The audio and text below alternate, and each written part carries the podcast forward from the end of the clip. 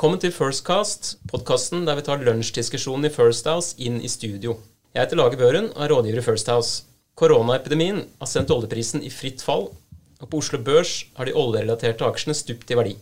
Samtidig vet man at lavere oljepriser stimulerer økt etterspørsel og gjør alternative energikilder mindre attraktive. Flere eksperter spår derfor at oljen kan få seg et nytt løft på bekostning av fornybar energi. Det er i så fall dårlige nyheter for de såkalte grønne aksjene, som har vært i medvind på Oslo Børs de siste årene. Hva blir de langsiktige konsekvensene av koronakrisen på verdens energimarkeder? Og hvordan ser investorene ut til å porsjonere seg? Dette er tema for dagens diskusjon, og med meg i studio har jeg topp ekspertise på feltet, nemlig oljeserviceanalytiker Jon Reisen fra AVG, Sunna Koller, og fornybar energianalytiker Mikkel Nyholt Smedseng fra Carnegie. Velkommen til begge to. Takk. Fra 19.2 til 30.3 stupte prisen på brentolje fra 59 til 23 dollar per fat. Og selv om vi siden har sett en gjeninnhenting til over 30 dollar igjen, så er oljeservicesektoren på Oslo Børs mer enn halvert i verdi siden nyttår. Eh, Jon, du uttalte nylig at en tredjedel av de 30 olje- og oljeserviceselskapene du dekker, ikke vil klare seg gjennom de neste tolv månedene med dagens oljepris. Få dager etter dette så kom en egen krisepakke fra den norske regjeringen til oljenæringen. Vil dette være nok til å redde de mest utsatte aktørene? Svaret er ja og nei, men jeg tror de, de samme ti kommer fortsatt til å få problemer. Men nå er det mulig å refinansiere. Så de er nødt til å enten få, få lettelse på bank covenants eller mer egenkapital eller mer gjeld. Og uten den pakken så har det vært mye vanskeligere å gjøre det. Men det unngår ikke at de kommer i, i problemer. Man, man, man, glemmer jo at uh, oljeprisen allerede var i fritt fall før koronakrisen uh, pga. en oljepriskrig mellom Saudi-Arabia og Russland. Mm. Uh, er det mulig å skille de to effektene fra hverandre når du nå har analysert fallet som har vært i oljeprisen? Man, man, man prøver, da. Men beste estimat er ca. 10 dollar. Falt ca. 10 dollar før korona pga. Russland og Russland-Saudi-priskrigen, om du vil. Så Det beste estimat er 10 dollar, men det, da start, er startepunktet 70. Ja. Så ca. 10 dollar er den priskrigen isolert sett. Er det da sannsynlig at Saudi og Russland vil gjenoppta denne priskrigen når først etterspørselen etter olje normaliserer seg etter koronakrisen? Ja, det tror jeg er veldig sannsynlig. Og det man har sett, er at Saudi og, og, Russland, selv om det blir litt enighet, så har jo ikke Russland fulgt sine, sine produksjonskutt. De har produsert så mye de kunne egentlig hele tiden de siste årene. Så det tror jeg nok de kommer til å fortsette med. Mm. Eh, Mikki, eh, som analytiker så dekker du bl.a. Scatec Solar, eh, et norsk industriselskap som utvikler og bygger solparker i Afrika og Asia. Som investeringsobjekt representerer de et veddemål på at solenergi vil utkonkurrere fossil energi i fremtiden, og aksjen har gitt svært god avkastning de siste årene. Hvordan har koronakrisen påvirket Scatec Solar hittil? Direkte så har det ikke vært all verdens påvirkning på, på det som står og produserer. Altså en, en sol, solpark den produserer strøm uavhengig om det er krig, krise eller eh, Altså det, det, det, er været som kommer an på. Og det er ikke all verdens maintenance du trenger der. Det er liksom noen vaktmestere til å vaske panelene og sørge for at uvedkommende ikke kommer inn og ødelegger, som egentlig er eh, det som er av OPEX på en uh, driftpark. Men det er klart at i Scatec uh, øyemed så er det mer utviklingen av nye parker som kanskje har tatt en, en oppbremsning. Det går an å snakke om det, det, det større Eh, energimarkedet og hvordan på en måte fornybar elektrisitet blir påvirket av, av dette her nå. Men Scatec isolert som et selskap har vært eh, relativt Eller ridd vinden, eller hva heter det for noe? Ridd av stormen eh, ganske decent. Eneste negative har vært at de siste parkene som nå er under utbygging, så forventer man et sted mellom to til fem måneders utsettelse på liksom 100% ferdigstillelse. Og det er mest drevet pga. reiserestriksjoner og, og, avstand mellom mennesker som, som gjør det. Men supply chain-messig for, for Scatec, det å få tak i måte delene de trenger, eh, og få gjennomført eh, alt annet, har egentlig gått mer eller mindre på, på skinner. Scatec Solars suksess de siste årene er i stor grad bygget på at kostnader på solenergi har falt betydelig. Og gjort solenergi veldig konkurransedyktig, særlig i solrike deler av verden. Hva skjer nå som fossil energi plutselig er blitt ekstremt mye billigere, eh, og alle land egentlig er blitt fattigere enn det de var før?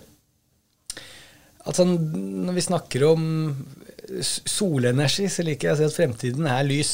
Og det er den uansett hvordan eh, oljeprisen utvikler seg nå. Eh, og på tross av at eh, elektrisitetsetterspørselen har falt gjennom, eh, gjennom koronakrisen. Eh, det er selvfølgelig sånn at ting kan bli utsatt noe, men når man skal sammenligne kilder til elektrisitet, så handler det om på en måte hva er det du betaler per kilowattime i, i kost. Eller det vi kaller levelized cost of electricity, LCOE. Og når det kommer til sol, så i en del områder av verden så var det sånn lenge før vi gikk inn i koronakrise, at sol var blant de aller laveste eh, energikildene. Eh, altså da målt i kost per kilowattime. Og så kan du si at eh, med fall i gasspriser, oljepriser, så har jo da sant, fossile kilder blitt eh, på relativen enda billigere. Men det er fremdeles sånn at eh, tommelfingerregelen er at vi trenger ca. 500 terawattimer ekstra strøm i året. Og hvis 20% av det skal komme fra sol altså Det er jo da drevet av befolkningsvekst og på en måte teknologi, bare økt industriell aktivitet. Eh, og hvis 20% av det skal komme fra, fra, sol, så tilsvarer det et sted mellom 60 og 70 eh, gigawatt i, i solkapasitet. Eh, Bloomberg New Energy Finance, deres seneste estimat for de neste årene har vært at installeringer skal ligge på røftlig 150-160 gigawatt per år. Og skal vi se Langsiktig vekst for Scatec Solar har vært uttalt å ligge på 1,5 gigawatt i året. Så det er klart at det er jo da røftlig 1% av markedet. da, Eller eh, en markedsandel på 1 i, i langsiktig vekst. Svarte jeg spørsmålet? jeg syns det. Bra. Eh, fremtiden ser lys ut, sier Mikkel, for, for solindustrien. Eh, akkurat nå virker den ikke særlig lys ut for, for olje, Jon. Eh, hva tror du? Tror du at denne perioden med ekstremt lave priser eh, bare danner grunnlaget for en uh, ny prisboom, nå som produsentene kutter produksjonen og etterspørselen fortsetter å forhåpentligvis å vokse? Kanskje om noen år. Problemet er at nå bygger du store lagre og, og, mye ledig kapasitet. Så når etterspørselen tar seg opp, så tar det ganske lang tid før man trenger ny produksjon. Hvor du kan uh, sette i gang produksjon som har stoppet ned, eller spise av lagrene først. Så det blir nok en lengre periode med relativt lave priser. Det tror jeg. Hva tror du oljeselskapene tenker om dagens situasjon? Eh, eh, tror du de mener det er forsvarlig å bruke penger på å, å lete etter nye ressurser de neste årene? Eh, og hvis svaret er nei, har vi i så fall en oljeserviceindustri i Norge om, om ti år? Ja, jeg tror oljeselskapene globalt akkurat nå de har ikke likviditet til å lete. så De ser jo de kutter jo halverer letebudsjettet sitt ca. Men det er primært fordi de ikke har likviditet til å lete. Og så er det et annet spørsmål liksom, Når oljeprisen kommer opp, kommer de da til å fortsette å lete? Ja det, ja, det tror jeg. Når oljeprisen kommer opp, nok opp, så de kommer de å fortsette å lete.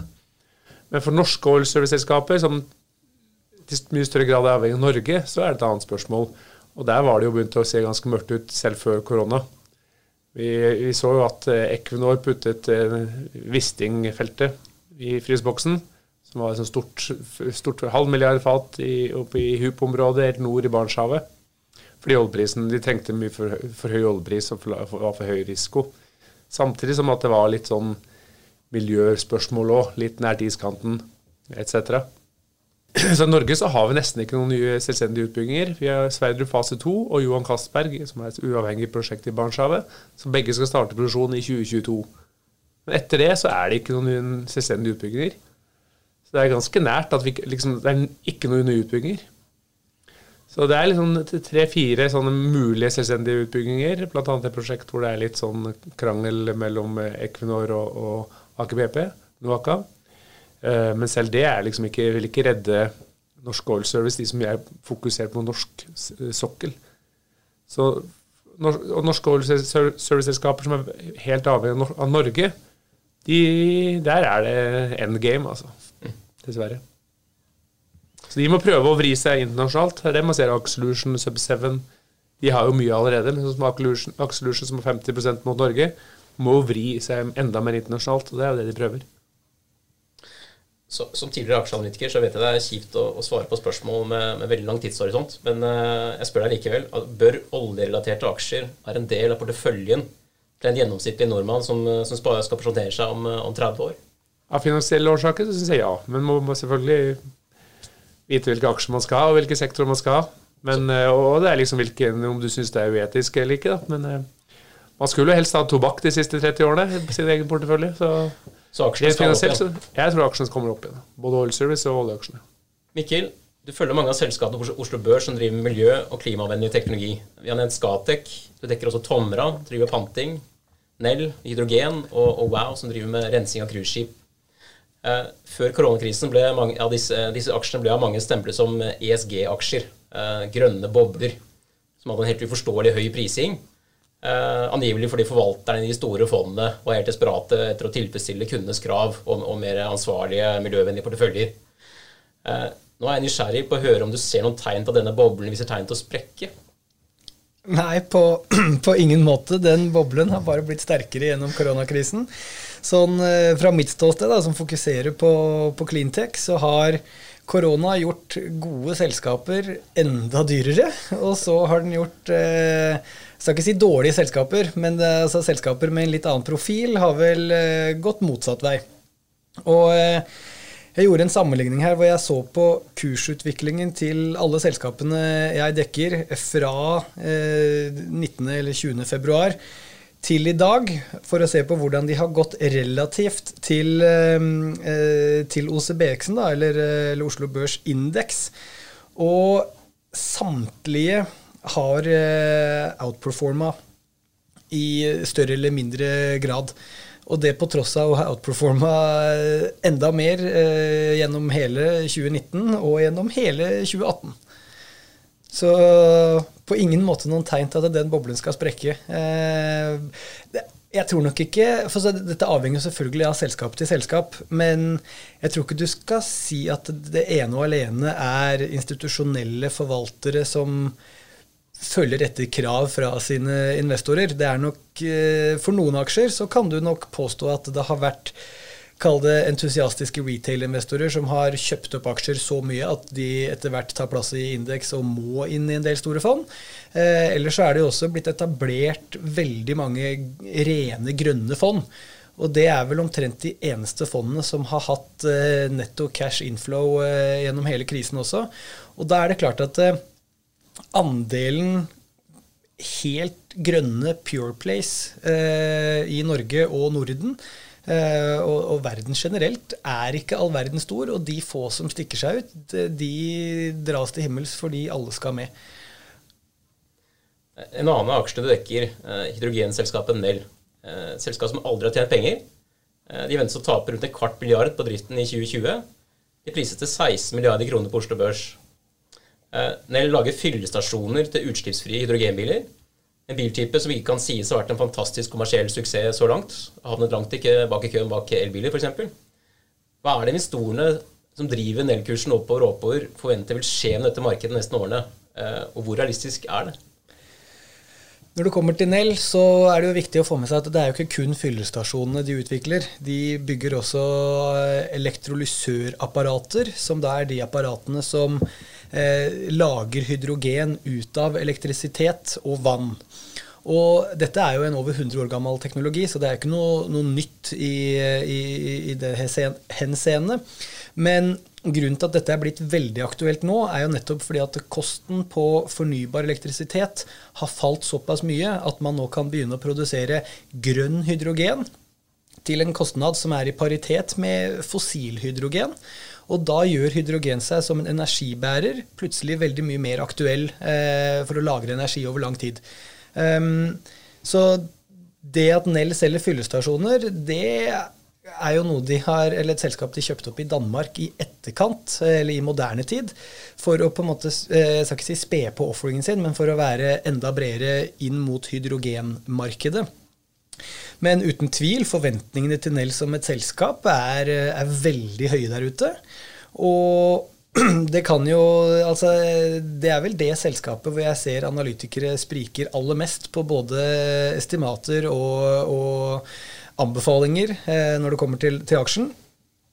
Hva som er eh, realistisk å oppnå for Nell, eller hvor aktuelt det er at de klarer å innfri eh, estimatene, avhenger helt av hvor stor tro man har på hydrogenmarkedet. Jeg er optimistisk på, på hydrogenmarkedet sin, sine vegne. Jeg tror at hydrogen om, eh, om, noen år kommer til å ta over som energibærer for veldig mye av eh, der hvor det fossile holder på i dag. Eh, når det kommer til transportindustrien eller bilbransjen, så er det ikke på passasjerbilfeltet vi ser det først, men det er på tungtransport. Først og fremst på, på lastebiler og, og busser. Men dernest, og da, nå snakker vi etter 2030, når fylleinfrastrukturen, eller altså refueling-infrastrukturen er der, og teknologien på en måte har fått satt seg, så kommer vi til å se en større og større adopsjon på, på um, kall det passasjerbilmarkedet også. Men for Nell de jobber jo også f.eks. med Yara om å produsere grønn hydrogen inn til uh, fertilizer-markedet. De har levert elektrolysører til et, uh, et, pilotprosjekt med SSAB og Vattenfall i Sverige for å produsere grønn hydrogen for å bruke det i grønn stålproduksjon. Og det er klart at dette her er jo gigantiske industrier som per i dag har høyt CO2-utslipp, og som uh, ville hatt alle insentiver til å gå grønne og bruke hydrogen hvis det lar seg gjøre på en kostnadsfornuftig måte. Mm. Jeg spør, Er du positiv til Nell-aksjen? Har du kjøpt på Nell? Jeg har en hold-anbefaling eh, på Nell. Ja, ja, For Det er veldig mange konkurrenter òg som eh, jobber med tilsvarende eller konkurrerende teknologi. Så vanskelig å vite om Nell blir god vinner. Eh, jeg kan fortelle at i, i, måten jeg har modellert Nell, så har de per i dag en, en produksjonskapasitet på 40 megawatt eh, alkaline elektrolysekapasitet. Og de driver og bygger ut 360 megawatt på Herøya, eh, rett utenfor Notodden. Og jeg modellerer med at de må øke kapasiteten sin til 2 gigawatt innen 2026. Og de må være utsolgt eh, fra 2021 av hvert eneste år fram ut 2035. For å klare å på en måte fylle en verdsettelse på 11 kroner har jeg landet på. Og det er på et avkastningskrav på 8,5 er det, etter, er det etterspørsel nok etter produktet? Per i dag, eh, nei. Men eh, om to år, når eh, Nicola Motors, som er et hydrogen lastebilselskap i USA, skal begynne å rulle ut både fyllestasjoner og trøkker, så kan det fort bli veldig høy etterspørsel. Så i Nell nå så er Nicola i USA er en litt eh, Eller det er en meget viktig eh, motpart til Nell de, de, de, neste ti årene. Fordi Nicola er veldig raskt fremme, eller tidlig ute, for å skulle adoptere hydrogen på et stort nivå. Mm. Men eh, alt avhenger av at Nicola er suksessfulle i, i, sin gjennomføring for at Nell skal klare å fylle mine, og sannsynligvis de fleste andre analytikers, analytikeres estimater de neste fem-seks årene. Mm. Nell, Nell er jo også eh, et selskap som i likhet med mange av disse grønne aksjene med stigende aksjekurs har vært veldig, veldig flinke til å hente penger kontinuerlig. De har hentet penger til nye prosjekter på stigende aksjekurser. Eh, og likevel hatt fantastisk reiser på børs. Eh, opplever du at ledelsen i disse selskapene eh, fortsatt er edruelige og holder på lønnsomhetskravene sine? Eller er det fare for feilinvesteringer og overmot, slik situasjonen er nå? Altså Gjennomgående i eh, mine selskaper så opplever jeg eh, ledelsen stort sett eh, edruelig. Altså Det er klart at dette er selskaper som de færreste av dem skal prises på 2020 eller 2021s inntjening. De skal prises på fremtidig inntjening, og for å nå den inntjeningen så må det jo investeres. Og Det er derfor veldig mange av disse har hentet penger også. men for oss som står på utsiden, så synes pengebruken og oppvekstøkningen og de, det som tas av Capex nå, synes fornuftig. Men det er klart, eh, vi har jo ikke fullstendig innsikt til å kunne se alt som foregår bak, eh, bak selskapenes fire vegger. Helt til slutt, eh, mine gjester, hvis jeg skulle valgt én fossilaksje og én grønn fornybaraksje i porteføljen min de neste ti årene, hva er deres beste, beste anbefaling? Mikkel, start med deg. Det å bare velge én, det er, eh, det er vanskelig. Eh, det kommer litt an på hvilken sektor du vil inn i. Eh, jeg pleier å, Når jeg skal splitte opp min coverage og på en måte bredere coverage, så ser jeg ofte på hvilke selskaper av disse er vi mer eller mindre helt sikre på at kommer til å være her om, om 20-30 år. Og da er det veldig lett å trekke fram selskaper som Tomra og Skatec, som på forskjellige måter har en ganske ringfensa posisjon som ikke lar seg på en måte disrupte eller forsvinne. Skatec i form av 20-årslange kontrakter, og Tomra i form av eh, markeder som ikke blir borte, og de har nådd kritisk masse, slik at konkurrenter klarer ikke komme inn og ta deres eksisterende markeder. Så der må det være nye markeder inne for at Tomra eventuelt skal på en måte få vannet ut markedsposisjonen sin. Men det er klart at eh, verdsettelsen i begge disse selskapene begynner å bli krevende. Så hvis jeg skulle tenkt finansielt og ikke gi deg ti år, men snarere gi deg tre til fem år, så ville jeg sett uh, til Sarpsborg ja, og vurdert å plukke litt i Borregaard. Borregaard, notert. Jon? Fossil så er det ganske enkelt. Det blir Aker BP. Eventuelt Statoil hvis du, hvis du vil ha litt lavere risiko. Men uh, Aker BP dobler seg de neste ti årene, så kan du La være å selge den om ti år, har du doble penga. Trenger du ikke å ha den i 30 år. Da noterer jeg det. Eh, vi nærmer oss slutten på dagens podkast. Vi går en spennende tid i møte, eh, både i aksjemarkedet og i norsk næringsliv for øvrig. Tusen takk til mine gjester, Mikkel Nyholt Medseng og Jon Olaisen. Ha en fin dag videre. Takk, takk. Takk.